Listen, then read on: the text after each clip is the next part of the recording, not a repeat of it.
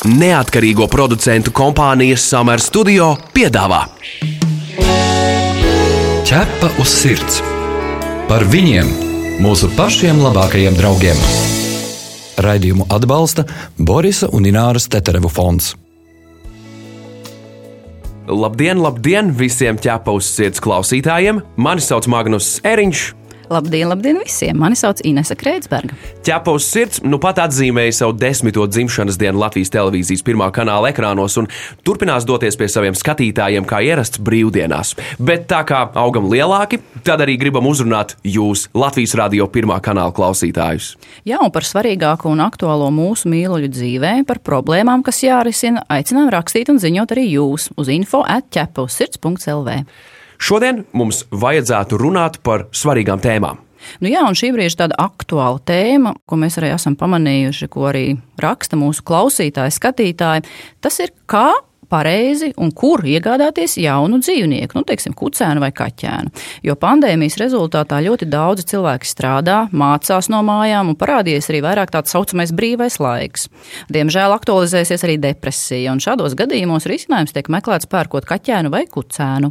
Par dzīvnieku adopciju no patvērsmēm šoreiz mēs nerunāsim. Vien piebildīsim, ka arī patvērsmes piedzīvo diezgan pamatīgu uzlidojumu. Cilvēkiem šobrīd ir ļoti liela vēlme adoptēt dzīvniekus.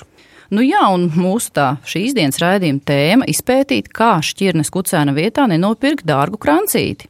Jo mēs jau tomēr uzskatām, ka cilvēkam ir tiesības gribēt to, ko viņš grib, un ja viņš grib arī šķirnes suni, tad lai viņš arī viņu pērk. Bet tā pati galvenākā problēma ir tas, ka esošajā tirgus situācijā cilvēku vēlme pēc suņa ļaunprātīgi izmanto krāpnieki sludinājumu portālos kur izmantojot pircēju nezināšanu, pārdod suni, kurš ne tikai nav tīras šķirnes, bet bieži ir ar ģenētiski iedzimtām problēmām. Un tad sanāk, ka saimniekam pūrā tiek atnesti milzīgi ārstēšanas izdevumi visa dzīvnieka mūža garumā. Šodien pie mums studijā viesojas vācu aitu suņu audzētāja Solvita Vēvere. Labdien! Un dzīvnieku aizsardzības biedrības ar sirdi dēlnā vadītāja Andra Tomase. Labdien, mīļie klausītāji! Bet kāda tad ir situācija tirgu un kādu taktiku izmanto pavairotāji un ko par to visu saka atbildīgās institūcijas? Par to mūsu sagatavotajā sižetā. Ķepa uz sirds skaidro faktus. Jā, Labdien, es zvanu par uh, krievu toiterieru. jā, Uh, sakiet, vai meitenīte vēl ir pieejama? jā. Katru dienu sludinājumu portālā parādās pa kādam jaunam šķirnes kucēnam, kuru iespējams iegādāties vai rezervēt. Radījums ķepa uz sirds, izliekoties par ieinteresētu pircēju, sazinās ar sludinājumu autoriem, lai uzzinātu, kas tad īsti ietilpst piedāvājumā. Piemēram, kādā ierakstā norādīts, ka krievu toiterjera šķirnes kucīte gatava doties uz mājām. Sīkākas informācijas tīkotājiem jāzvana uz norādīto tālruni. Sakiet, kā ar kaut kādām čipošanām, vakcinācijām? Nu, tas ir jums jādara. Aha, tas mums pašiem. Kā ar ciltsrakstiem? Nu, pasē viņai krievtoju terjeri iekšā ir. Saimniece paskaidro, ka kucēna vecākus sapārojuši, lai mammai nerastos veselības problēmas. Un atzīst, ka suņu tirgošanā pieredzes nesot. Vienkārši vēlas atdot mazuli labās rokās par 300 eiro. Citi pavairotāji gan piedāvā iespēju tikt pie ciltsrakstiem, bet par papildu samaksu. Labdien, es par šicu sunīti jums zvanu. Audzētāja ievietojusi divus sludinājumus. Šis šķirnes kucēns bez ciltsrakstiem maksās 700 eiro ar 850. Nē, nu man visi ir klubu kucēni un vecāki no kluba. Vienkārši vienam ir vajadzīgi ciltsraksti, otram nevajag, un tad es dodu iespēju vai nu ar, vai nu bez. Es vien... Noformēt ciltsrakstus varot visiem kucēniem. Meitenītei arī ir ciltsraksti. Nu, būs viņai ciltraksti, jā. Sola kāda borderkolija tirgotāja. Abi vecāki esot ar ciltsrakstiem, un kucēnam līdzi tiks izsniegta kartīte, kuru pēc tam klubā varēšot apmainīt pret ciltsrakstiem. Tādu pašu kārtību piedāvā arī citi pavairotāji. Turpinājumā saruna ar Austrumēropas aitu suņu audzētāju. Jums dosies līdzi no manas puses kucēna kartiņa, kas apliecina šīs šķirnes, ka tas nav, kā saka, krustojums ar kaut ko nebūt. Un šo kartiņu jūs uh, klubā nododat, un jums pretī sagatavot ciltsrakstus. par šo šķirni. Ja pavērot tiek šķirnes dzīvnieki, tiem jābūt ierakstītiem attiecīgās dzīvnieku audzētāju organizācijas ciltsgrāmatā. Organizācijas brīdī, kad tiek reģistrētas lauksaimniecības datu centrā, iesniedz nolikumu, kurā ir atrunāta arī kārtība, kādā dzīvnieks tiek atsavināts. Turpina pārtikas un veterinārā dienesta eksperte Mairita Riekstiņa. Ja jūs gribat eh, iegādāties kādu dzīvnieku ar ciltrakstiem, tad pirmais, kas jums būtu jādara, ir jāskatās, vai šī audzētava vai audzētājs ir kādas organizācijas sastāvā un vai šī organizācija pati ir reģistrēta LDC. Pirmais būtu jāpaskatās šajos reģistros, kā vispār tur ir, un iepazīties ar viņu nolikumu, no kā jūs gribat kaut ko pirkt, kas attiecās uz šķirnes dzīvniekiem.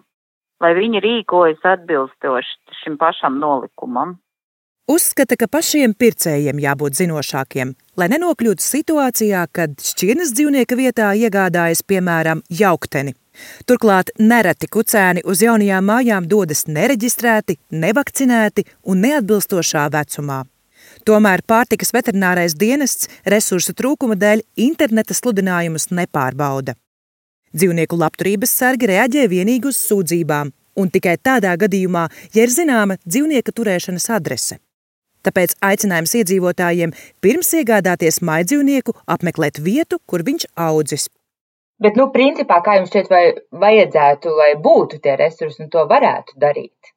Nē, protams, jā, mēs nekad neesam atteikušies to darīt. Protams, ka mums pietrūkst šo resursu, tāpēc arī ir tā situācija tāda, kāda ir, ka mēs izskatām tikai tas, kādas informāciju mēs saņemam, kad tādas atkārtotas kaut kādas monitoringas, protams, mēs nevaram veikt. Un būtu nepieciešama, jā, stiprināt šī PVD kapacitāti, tad mēs varētu arī ieviest vairāk šos inspektoru vietas, kas arī nodrošinātu tieši šīs pārbaudas saistībā ar mājas istabas dzīvnieku labturības kontroli bet šo mirkli tas, diemžēl, nav iespējams. Šobrīd notiek darbs pie likumdošanas pilnveides saistībā ar minimālo informāciju, ko būtu nepieciešams norādīt interneta vietnēs pie dzīvnieku tirzniecības. Ka nevarēs tik vienkārši, ka būs jānorāda gan identifikācijas numuri tam dzīvniekiem, kurus atsevināsi, un, un tāpat turēšanas vietu un tā tālāk. Tā kā tas tagad ir tāds pārējais periods. Ir iespēja, jūs domājat, šādā sludinājuma portālā pat uzlikt tā kā ar likumu to minimālo informāciju, kas ir jānorāda? Jācer, ka viņi būs arī pretīm nākoši. Nu, un tad jau vienīgi cilvēki paši varēs arī izvērtēt to, ka, ja tas netiek norādīts, tad nu, kaut kas galīgi nav kārtībā. Par iespējamu krāpšanu var ziņot arī valsts policijai, taču tādā gadījumā ir jābūt maksājuma apliecinājumam vai vismaz saglabātai saziņai ar audzētāju. Savukārt par iespējamu nodokļu nemaksāšanu var ziņot valsts ieņēmumu dienestam. Ķerpa uz sirds, diskutē. Nu, lūk, piedāvājums ir tik plašs, un kā tad pircējiem zināt, kur viņu muļķo un kur nē?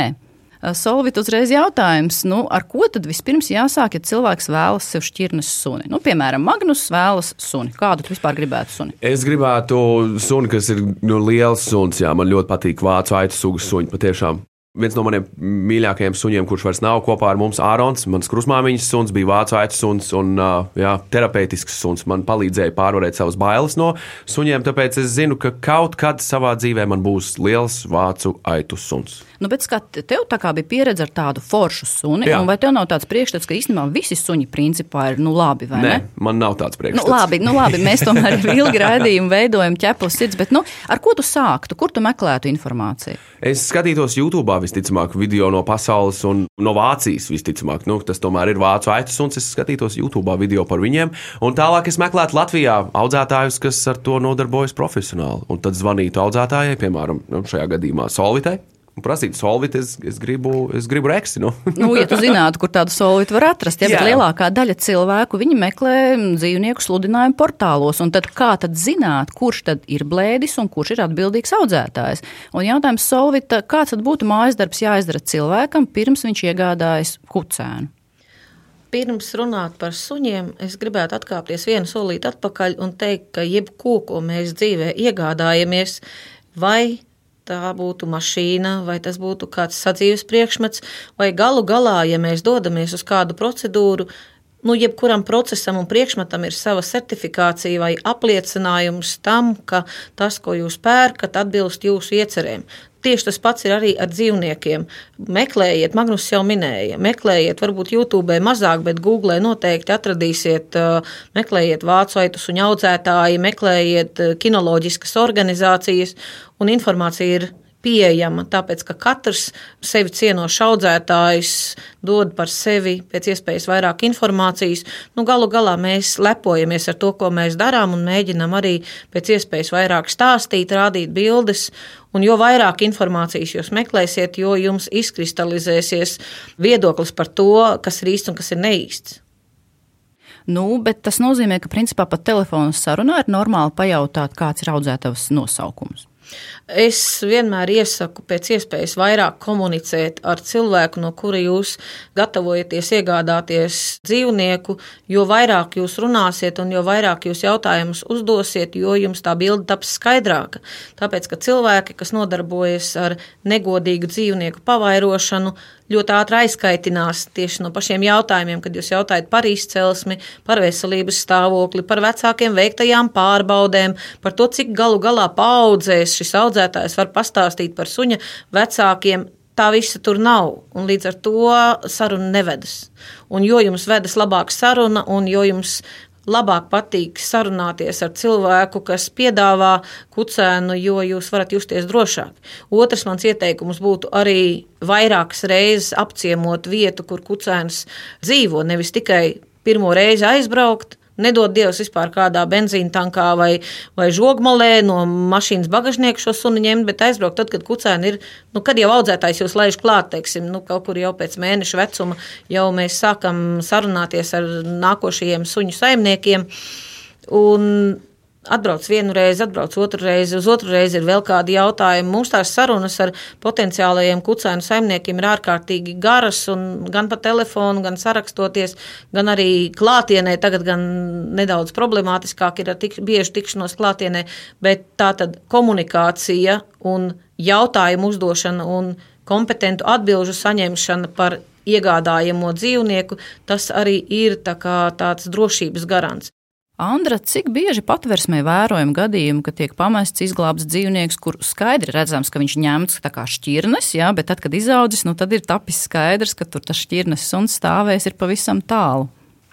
Nu, es domāju, te nav, nav gluži tā, ka uh, cilvēki atdod tos dzīvniekus tāpēc, ka viņš ir izaudzis ne tāds, viņam asti ir ne tāda. Vairāk ir tieši kaut kādas uzvedības problēmas vai nu iedzimti kaut kādi procesi, arī tīri veselības problēmas, vai temperaments, vai, vai drīzāk tādas lietas. Visnotaļ bieži, jā. Gadījumi ir, nu, vien, viens ir ļoti spilgts gadījums ir bijis tieši, kad ir paņemts, nejautāju, pa cik pirkts vācaitu kucēns, vācaitu šķirnes suņu kucēns, un pat man liekas, pirms gada vecuma viņš ir uzbrucis saimniecei, turklāt uzbrucis nemotivēti. Jo viena lieta ir, kad nu, sunim ir kaut kāda pieredze un viņš mēģina dominēt, bet, bet šeit bija tiešām tas bija nu, būtībā manā praksē ar visiem droši vien tuvu tūkstošu suņiem. Uh, Tas bija nu, tāds vienīgais spilgtais gadījums, ka es teikšu, jā, nu, tam sunim ar galvu nebija kārtībā. Uzreiz man jautājums, Sandra, vai tev ir arī nācies sastapties ar nu, tā sauktiem mm, nu, kucēniem, kas ir izņemti no tiem nelegāliem pavairotājiem, un kādā tad viņi vispār ir stadijā, stāvoklī, kas ir viņu psihisko veselību un kādi viņi ir pēc socializācijas līmeņa? Mm, ir nācies, nav bieži. Tie gan nav konfiscētie dzīvnieki konkrēti caur PVD, jo mums arī nav teiksim, līguma šāda. Bet būtībā jā, tie ir no, no nelegālas audzētavas bijuši trīs pekinieši, kur mamma ir mamma, tētis un dēls. Un, un, protams, ka kucēni tika ražoti gan no tēta, gan no dēla, gan no visiem, kas tur kust. Un, un, nu, suņi dzīvojuši šausmīgos apstākļos, jo, nu, ja mammai kucēna metiens var ziemā nosalt, vienkārši kaut kādā būcenī atrodoties. Nu, tad var spriest par tiem apstākļiem. Nu, suņi, protams, jā, nesocializētu, nu, vienkārši kā kucēnu ražojamās mašīnas. Ja jau Izmantot. sākām runāt par PVD, man uh, interesē, kā jūs abas vērtējat uh, pārtiks un veterinārā dienesta darbību, kas tiek darīts nepietiekami un ko var un obligāti vajadzētu uzlabot. Nu, ar pārtiks veterināro dienestu man ir saskara bijusi ļoti daudz un ļoti cieša. Nu, es varu pateikt, tā ir iestāde, kas pārbauda papīrus.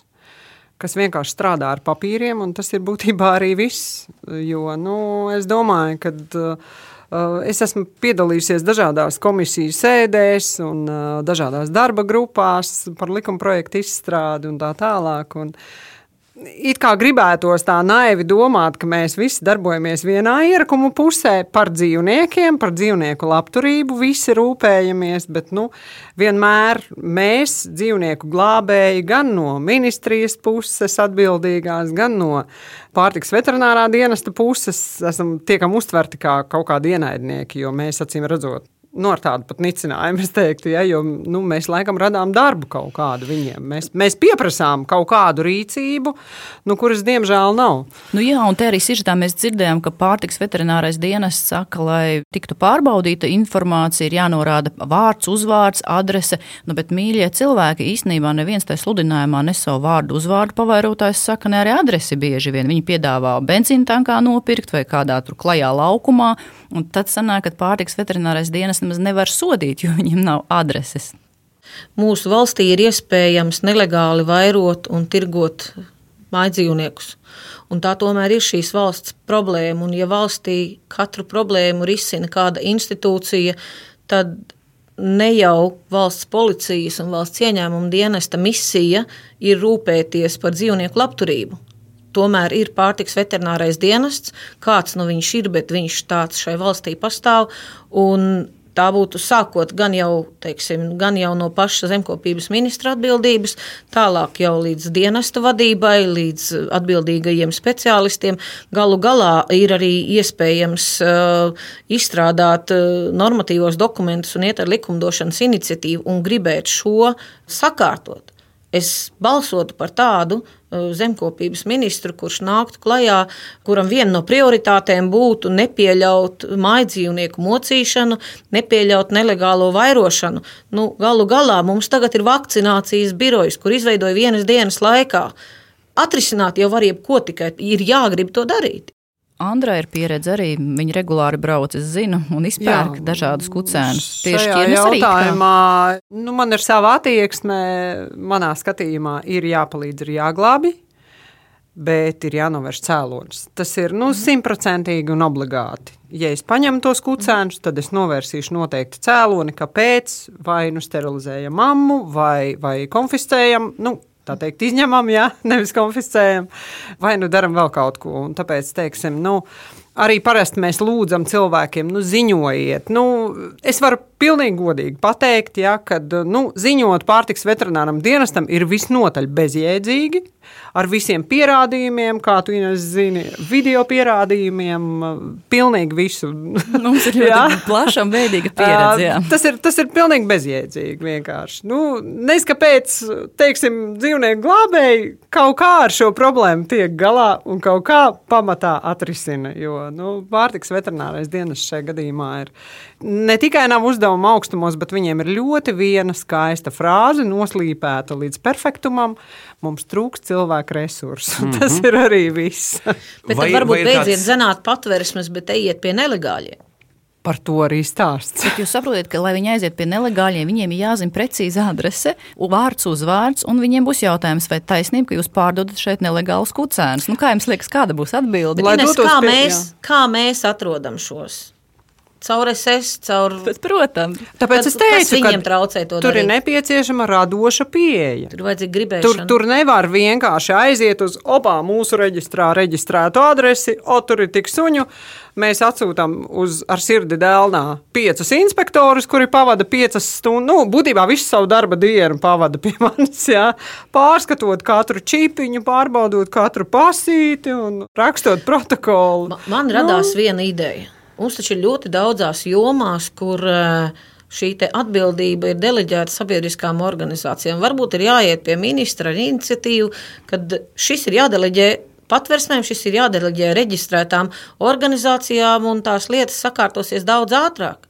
Nu, tagad mēs varētu par tiem slaveniem ciltsrakstiem parunāt, jo īstenībā tas tāds, nu, nezinu, kontrols jautājums, pēc kā šie pavairotāji uzreiz saprot, cik cilvēks vispār ir izglītots. Ja viņš uzreiz pasaka, man ciltsrakstus nevajag, jo uz izstādēm es neiešu, tad, nu, tad ir skaidrs, ka šis cilvēks neko tā kā nezina par tām šķirnes īpatnībām un par dokumentiem kā tādiem. Ko nozīmē ciltsraksti un kā viņi tiek nu, noformēti, varbūt kā tas cilvēks var viņus saņemt? Un vai par tiem vēl ir ekstra jāpiemaksā? Ciltsraksti ir kā autotehniskā pase, kas parāda, kas lācītim vēderā. Tad ciltsrakstos tiek ne tikai atspoguļoti vecāki, vecvecāki, bet arī tiek fiksēts gan suņa runājot šajā gadījumā par suņiem, gan viņu apmācība, gan veiktās veselības pārbaudes, pie kam tas ir vairāk paudžu garumā. Eh, Vācu aizsuņu gadījumā lielākoties ir arī izcelsmes apstiprinājums, kuru mēs reģistrējam, tātad eh, noņemot DNS paraugu un reģistrējot to datu bāzē. Tā kā faktiski ir pieejama visa informācija. Un tad ir nākamais, ka palūdzot vecāku ciltsrakstu kopijas atkal ar interneta palīdzību jūs varat atrast par vecākiem, vecvecākiem, vecvecākiem visu informāciju, jo šī legāliem suņiem šī informācija ir pieejama. Šodienas laikmetā, kad viss ir internetā tiek atspoguļots, šī informācija ir atrodama un pārbaudāma. Bet kā tur ar to piemaksāšanu? Mm, nē, tā ir tehniskā pasta, kas nāk vienkārši kā apliecinājums, kā izcelsmes apliecinājums, kāda piemaksāšana. Arī par tiem vāciņiem un par printēšanas Nav darbiem. vāciņu. Tātad, jā, kā, kā jāizskatās Arī. tiem Tā ir ciltsrakstiem? A4 lapa. Tur bija sižetā viens pārdevējs solīja kucēna kartīti. Kas tā tāda ir domāta? Tā, ir sociāli, tā ir sociālisma paliek. Krievijā līdz šim vēl ir. Latvijas kinoloģiskajā federācijā kucēna kartīšu nav. Tā ir tāda, nu, arī atkal pēc principa papīrs panes visu. Nu, tad iedodam kartiņu, tev ir sajūta, ka tu esi kaut ko dabūjis. Bet tā problēma jau ir citur. Kā reiz runājot par šķirnes dzīvniekiem, ir spēja pierādīt šī dzīvnieka izcelsmi, spēja pierādīt, pastāstīt, parādīt, lai šī izcelsme ir pārbaudām, lai vecāki, vecvecāki, lai tas ir pārbaudāms. Un internetā šobrīd to pārbaudīt var. Nu, jā, bet mēs, piemēram, runājam par tiem, kas ir kā nu, tie nu, nelabvēlīgi, tomēr pavairotāji vai tirgotāji. Kas tomēr cilvēkam būtu jāzina, ja viņš pērk suni, nu, kas, teiksim, nu, nav tas šķirnes? Kādi tie ģenētiskie defekti un kādas tās uzvedības problēmas var rasties? Jo Andra, ar, piemēram, redz bieži savas patvērsmes darbā, kādi ir šie tās sekas varbūt. Kas, kas tev ir bijuši pa suņiem, kas ir atvesti? It kā nepareizi. Bez lērumu haskiju. kur ir vienkārši cilvēki nepārdomāti ņēmuši. Ja? Ir bijuši arī ar eh, kucēnu kartītēm, ja vēl kaut kur vēsturē. Haskija modē joprojām. jā, jā, jā.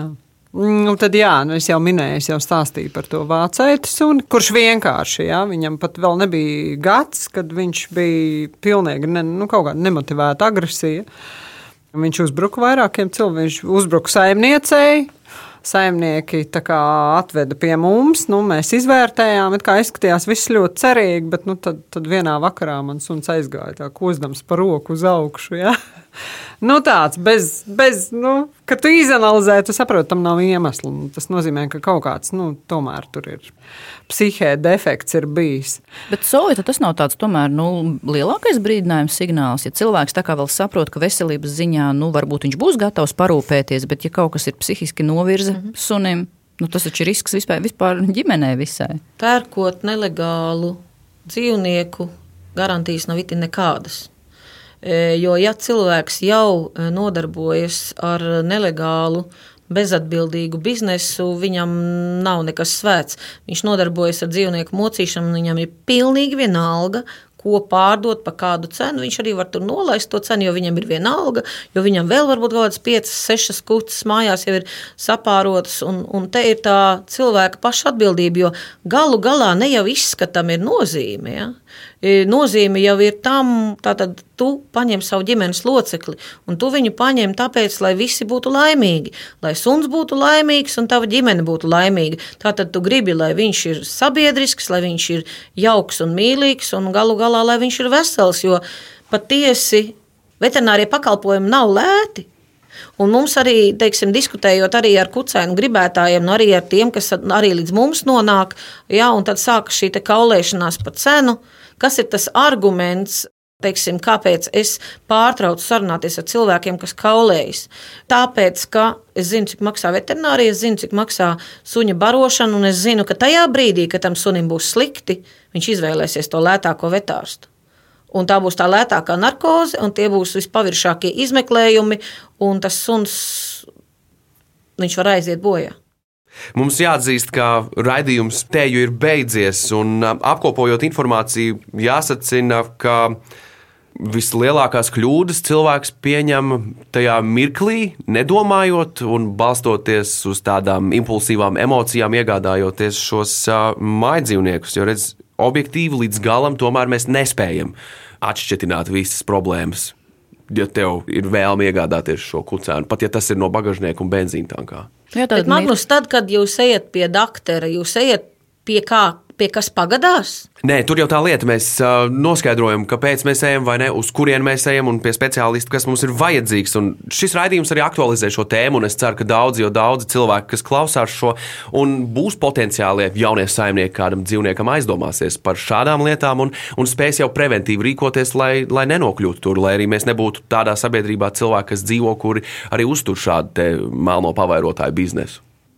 Nu jā, jo mirkļa impulsā tomēr nu, nevaram mēs rīkoties, jo mēs izvēlamies dzīvnieku, izvēlamies ģimenes locekli vismaz uz 15, 18 gadiem. Un, ja ir šaubas, noteikti vajag vēl apdomāt, izsvērt un atturēties no pirkuma. Tā kā mums jau galvenais uzdevums ir nevis aicināt adoptēt un pirkt, bet drīzāk varbūt nu, nepirkt, ja tas galīgi ir tā situācija, ka jo, kamēr jūs vēl varat bez dzīvnieka iztikt un dzīvot, jums dzīvnieks nav vajadzīgs. Paldies mūsu viesņām par sarunu. Atgādināšu vēlreiz, pie mums studijā viesojās vācu aitu suņu audzētāja Solvita Vēvere un dzīvnieku aizsardzības biedrības ar sirdi dēlnā vadītāja Andra Tomas. Paldies jums! Paldies jums! Paldies. Savukārt mēs pieteiksim nākamā raidījuma tēmu - maidzīvnieks un bērns ģimenē. Kā noteikt robežas un kā nepieļaut kļūdas, lai kopā būšana radītu prieku, nevis pārdzīvojumus. Īs ieskats mūsu sagatavotajā reportāžā ķepa uz sirds noskaidro. Vairāk nekā 200 bērnu katru gadu nonāk slimnīcas uzņemšanas nodaļā, jo viņus savainojuši mājdzīvnieki. Nereti saimnieki izlemj no dzīvnieka šķirties. Tā piemēram, dzīvnieku patvērsmē meža vairogi ik pa laikam nonāk kāds mājas mīlulis, kurš tiek uzskatīts par agresīvu. Turpina patvērsmes vadītāja Danuta Priede situācija bija tāda, ka kaķis ir kļuvis nekontrolējami agresīvs. Mīlēts, aprūpēts, lolots dzīvnieks. Bet um, ne visi cilvēki var nodrošināt lietas un apstākļus, kas ir vajadzīgas konkrētam individam. Un, ja pieaugušais man pasaka, nē, nē, viss būs kārtībā, man bērni mājās. ja, tad, tad, nu, skaidrs, ka mēs uh, pie šādiem apsvērumiem dzīvnieku dot nevaram jo bērns nav atbildīgs par mājdzīvnieku. Viņš var palīdzēt vecākiem, iztīrīt būrīti, izvest ārā un tā tālāk, bet atbildību uzņems pieaugušais. Tas nozīmē, ka pieaugušiem jāprada savs laiks. Lielākos izaicinājumus prasa sadzīvošana ar suni. Daudzi joprojām ģimenē nezina to, ka mazu bērnu ar suni vienus atstāt nevar. Tāpat arī valda neizpratne, kā sunim iemācīt pareizu hierarhiju, lai viņš saprot, ka ģimenē jebkurš, pat pats mazākais bērns, ir augstāks par viņu. Visur kopā - ķepus sirds. Jā, un arī, ja jums ir jautājumi, pieredze par šo tēmu, ar kuru jūs gribat padalīties, rakstiet mums info atķepausirds.lv. Bet mēs, Inese Kreitsberga un Magnus Eriņš, no jums atvadāmies. Raidījumu veidoja neatkarīgo producentu kompānija Summer Studio. Tiekamies jau piekdienā. Ātā! Ķepa uz sirds! Informatīvi izglītojoša raidījums par dzīvnieku pasauli un cilvēkiem tajā. Raidījumu atbalsta Borisa un Ināras Teterevu fonds.